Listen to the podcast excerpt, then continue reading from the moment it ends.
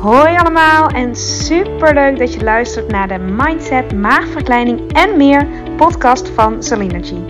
De podcast waarin alles draait om op leef- en leefstijlvlak optimaal op jezelf af te stemmen.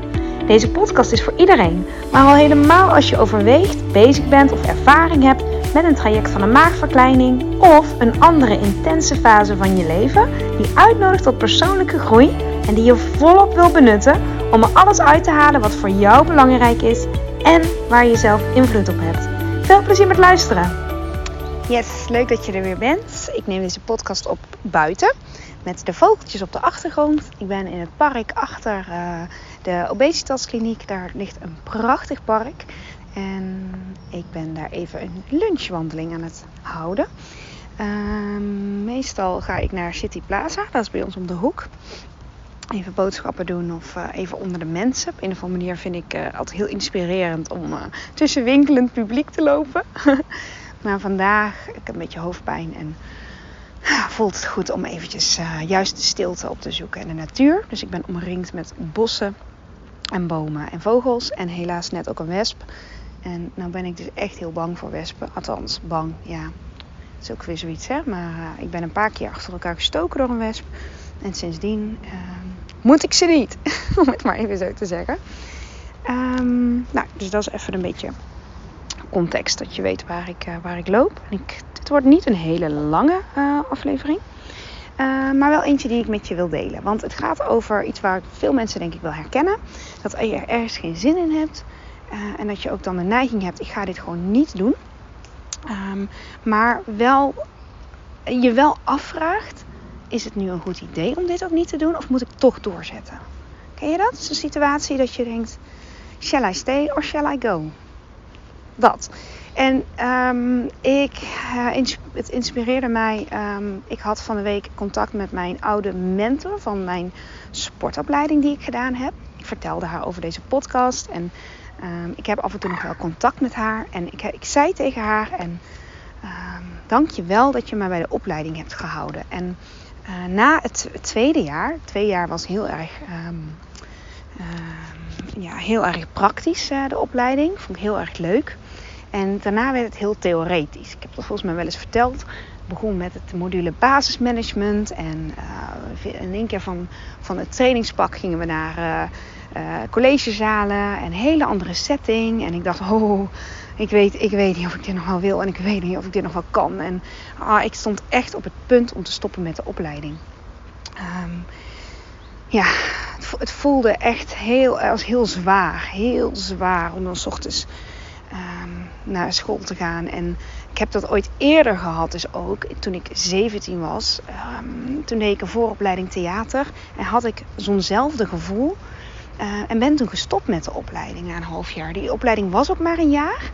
Um, en ik vond dat een hele moeilijke keuze. Want ik wil, ik wil het echt niet meer. Ik heb er ook gewoon echt geen zin in. En ik zie het gewoon helemaal niet. Maar ja, maar ja, maar ja. Hè? Moet, toch, moet toch doorgaan. Moet ik niet even flink zijn, op mijn tanden bijten. Het is maar een half jaar. Dan heb ik wel dat papiertje. Ik ben er toch aan begonnen. Dat studiegeld. Um, et cetera. En wat vinden, nou, wat vinden mensen daarvan was nogal mijn minste zorg. Maar die speelde ook mee, want ik ben de enige die dit doet. En nou, dat. En toen las ik ooit een quote en toen stond daar, um, weet je nog wel, was in mijn agenda. Hoe ver je op de verkeerde weg zit, keer om. Die was in mijn agenda van 2004. Hoe ver je ook op de verkeerde weg zit, keer om.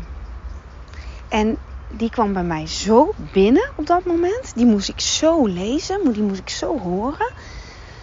En dat was denk ik ook de druppel. Dat was echt de bevestiging van ik stop daarmee. Dat was dus, ik was toen 17. Ja, ik was net ja, klaar met de HAVO. Ik was daaraan begonnen. En toen wist ik, ja, ik zit ook op de verkeerde weg. Maar dat was wel een proces. En um, later ben ik dus opleiding SEALS SGM gaan doen. Dus twee jaar sport, uh, SEALS en drie jaar sportgezondheid management. Twee jaar heel praktisch dus en drie jaar meer theoretisch. En ik was op zo'nzelfde punt beland um, in het derde jaar, begin aan het derde, van het derde jaar. Um, ja, moet ik, moet ik nu ook stoppen hiermee of moet ik doorzetten? En doorzetten voelde heel zwaar en stoppen voelde ook heel zwaar. En Ehm, het was kiezen voor mij tussen twee kwaden. Ik wist, ik kwam er niet uit. Ik wist het echt niet meer wat ik moest doen. Misschien voelde ik het diep van binnen wel. Maar met mijn hoofd was het weer anders. En ik zeg het wel eens vaker. Als je hoofd één ding vindt en je gevoel het andere, dan heb je een soort discrepantie. Dan uh, een soort error ontstaat er dan. En dan is de vraag: wat is leidend en waar kan ik nog in meebewegen? Moet mijn hoofd meer naar mijn hart of moet mijn hart meer naar mijn hoofd? En uh, ik heb toen uh, de hulp ingeschakeld, volgens mij ook dankzij mijn moeder. Ze was er in ieder geval bij, weet ik nog wel. Uh, een gesprek met mijn destijds ja, studieloopbaanbegeleider of mentor. Ja, volgens mij heet het studieloopbaanbegeleider. Um, fantastische vrouw. Had ik al vanaf meteen uh, dag één een klik mee. Zij kende mij ook wel een beetje. Of althans, nou ja, ja, kende, ja, nou, eigenlijk heeft ze mij al wel heel snel leren kennen. Ik voelde me ook heel vertrouwd bij haar. En bij haar heb ik ook mijn hele hebben en houden op tafel gelegd. En de twijfel uitgesproken. En ik was ook echt uh, verdrietig. En ik ik vond het zo, ik vond het zo moeilijk. Ja, vond het zo moeilijk. Want en ik was al eerder op dat punt gekomen. En ik had ook allerlei overtuigingen um, over het stoppen. En ik had ook al wel naar het plan B gekeken. Um, ik wilde in een duikwinkel werken. Of ik wilde meer met duiken. Want ik zat daar toen heel erg in. Surfen. Um, ja, niet nog drie jaar naar school. Maar uh, ik gaf het wel een kans um, om toch met haar een gesprek aan te gaan. Niet zomaar te stoppen. Dat doe je natuurlijk ook niet zomaar. En uh, mijn moeder heeft me daar ook wel in gestimuleerd om het in ieder geval goed te onderzoeken.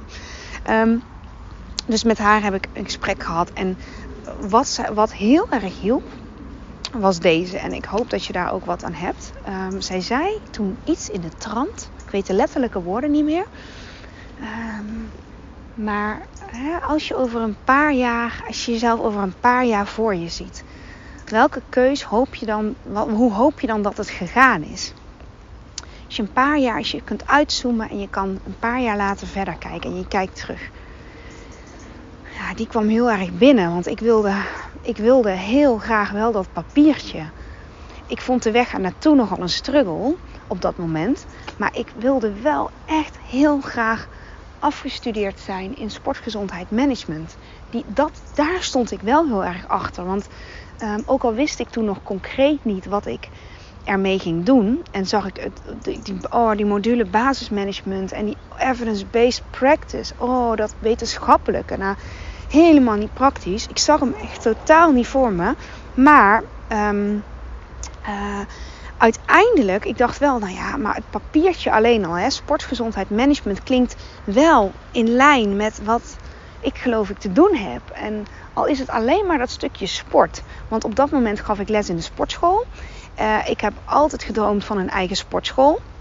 Um, en ik dacht, ja, nou, al zou ik het alleen al daarvoor doen. Dat, dat alleen al voor die zekerheid dat ik daarmee een sportschool kan openen. Of ik het dan tegen die tijd nog wil of niet. Maar Um, ja, dat. En uh, gezondheid, ja, nou, de, altijd een goed idee, dacht ik.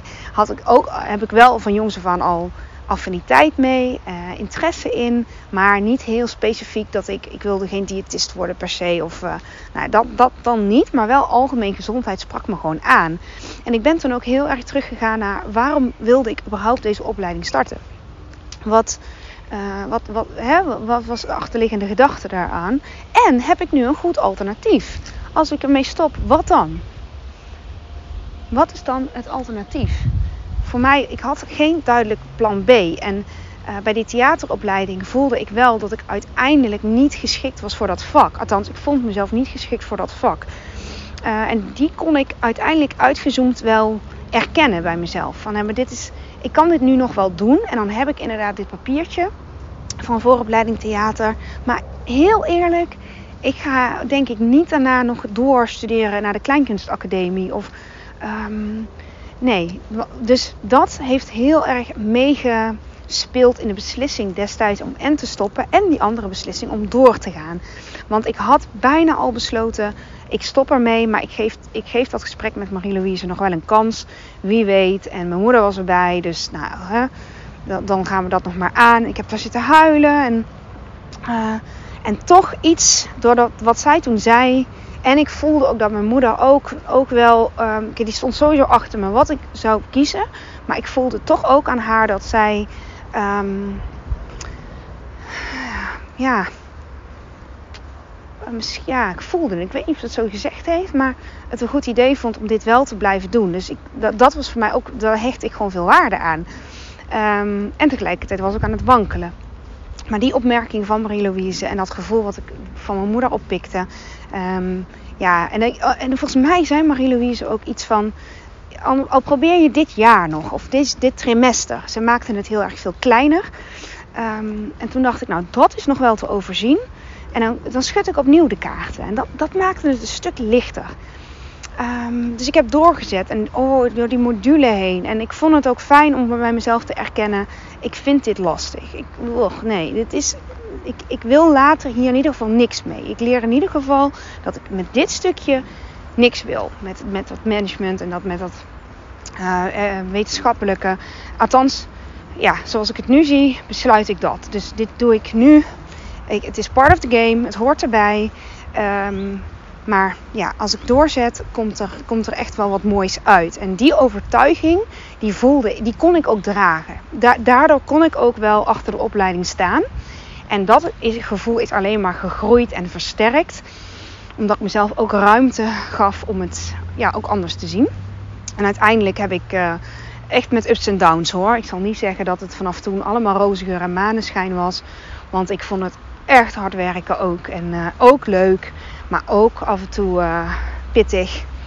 Maar toen kwam op een gegeven moment in het derde jaar, denk ik. Oh, denk het derde jaar, stage. Kon je dan kiezen. Dus koos ik ook uh, iets bij Les Mills. Als je aflevering over de groepslessen hebt gehoord, dan weet je wat dat is. Zat ik op kantoor bij, uh, bij de groepfitnessorganisatie. Um, dus het deed helemaal in lijn wat bij mij paste dat marketingstukje zelf wat ik deed, vond ik niet. Wist ik ook van nou, hier wil ik niet in. Maar ik, ja, ik had mezelf wel um, gegund om daar naar op zoek te gaan in ieder geval en erachter te komen. Um, want enorm waardevol als je ook weet wat je niet wil, hè. Wat niet past of dat. Daar heb ik echt heel veel van geleerd, die stage. Um, en toen kwam de minor, creatieve intelligentie. Dat vertel ik later nog wel meer over. Dat is ook wel heel erg interessant om te ja, om daar wat, wat, wat meer over toe te lichten. Wat dat is en hoe ik dat nog steeds toepas. En hoe dat ook misschien heel in, in, indirect tot de podcast heeft geleid. Of wat, waarom het nog steeds de dag helpt. Dat was de beste keuze die ik kon maken, die minor. Um, dus keuzevak, minor, uh, hoe heette dat nou ook alweer? Uitstroomprofiel. Al dat soort dingen maakten dat het veel meer een match werd. En niet omdat, ja, de opleiding bood dat natuurlijk wel. Maar dat was ook iets waar ik zelf meer uh, invloed op had. Um, dus dat, dan, dan ga je met een hele andere energie en een hele ander gevoel erin. Um, als je besloten bent, ik, ik ga hiervoor staan en ik ga dit dragen. Um, ups en downs. En ik deel dit verhaal omdat ik hoop dat je uh, hierdoor geïnspireerd raakt. En ook daar hey, jezelf de juiste vragen stelt. Op het moment dat je iets doet waarvan je denkt, ja, moet ik nou hier blijven of moet ik door? Um, welke vragen je jezelf kunt stellen om daar helderheid in te krijgen. Want blijft het knagen als je het niet doet. Hè? Dat je dan toch denkt, ja, maar dan zal ik steeds denken, wat als, wat als. En kun je het kleiner maken? Kun je zeggen, ik maak in ieder geval dit jaar af. Of ik doe in ieder geval dit. En dan kijk ik weer verder. En dan kijk ik weer verder. En wat kan ik er wel uithalen? Hè? Als het iets is wat bijna buiten je invloed om is verder. Wat kan ik hier wel uit, uit leren. Wat, wat, welke manier. En ook weten wat je niet wil. Kan zo ontzettend, oh, zo ontzettend helpend zijn. Het is allemaal jezelf beter leren kennen. En ik had dit proces nooit willen missen achteraf. Op dat moment had ik liever gehad dat het gewoon één rechte weg was. En ik, ik ging fluitend door die opleiding heen. Maar dat was niet. Maar als dat wel was, dan had ik nu ook geen podcastaflevering daarover kunnen opnemen. En dit heeft me enorm uh, gesterkt. Ook die ervaring met de vooropleiding theater. Snap je? En het heeft mij dichter gebracht bij mijn missie, wat ik wel wil. En nu denk ik, ja, natuurlijk vond ik dat wetenschappelijke niet leuk, want daar ligt mijn kracht helemaal niet. Daar moet ik ook niet zoveel mee. Hallo. dus, dus dat allemaal bij elkaar maakt, um, maakte die. Um, ja, ma ik kwam even collega tegen.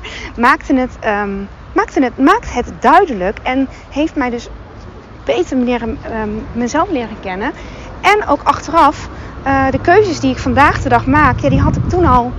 Met meer compassie kan ik ook kijken naar mezelf. Hoe het toen, ehm, hoe het toen was. Denk ik, ja, tuurlijk maakte ik die keuze wel. Of maakte ik die keuze niet. Of natuurlijk vond ik dit lastig. Dat waren allemaal fases die ik blijkbaar mocht doorleven. Om erachter te komen wat, ja, waar ik voor sta. Hè? Dus, oké. Het wordt een beetje druk hier ondertussen op de achtergrond. Ik, uh, nou, het was, hoe lang was deze boodschap? Even kijken. Ik kan het even niet zo zien. Zal het een kwartiertje zijn dat ik aan het praten? Ja, precies 15 minuten. Oké, nou, voor degene die hem nu moest horen. Dus op het moment dat je besluit, ik blijf of ik ga. Als je echt achter jezelf kan staan uh, raak je ook minder aan het wankelen en kun je het ook meer dragen. Kun je er ook meer achter staan. En dat is een heerlijk bevrijdend gevoel. Die, die is zo belangrijk dat je hem op, weet je, ja, jezelf daarin de juiste vragen stelt, waardoor je ook um, de juiste, voor jou juiste antwoorden krijgt. En vergeet niet dat je altijd, je bent altijd op dit moment. Ja, je doet altijd op dit moment waarvan jij denkt, dit is nu goed en je kan het niet nu al weten. Maar wat je wel kan weten is het gevoel nu. En um, door die vraag te stellen, hè, hoe zou het uiteindelijk zijn over een paar jaar?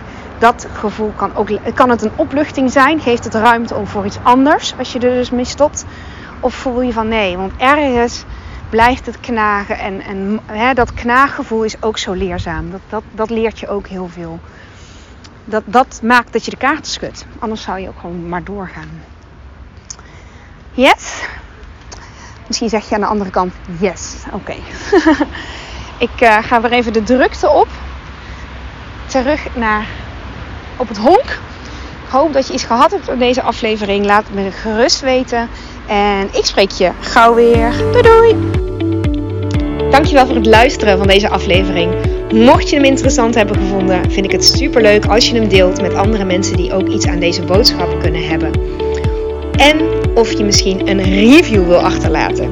Want hoe meer reviews, hoe beter de podcast gevonden wordt en hoe meer mensen ik kan bereiken met deze boodschap. Hele fijne dag, tot de volgende keer.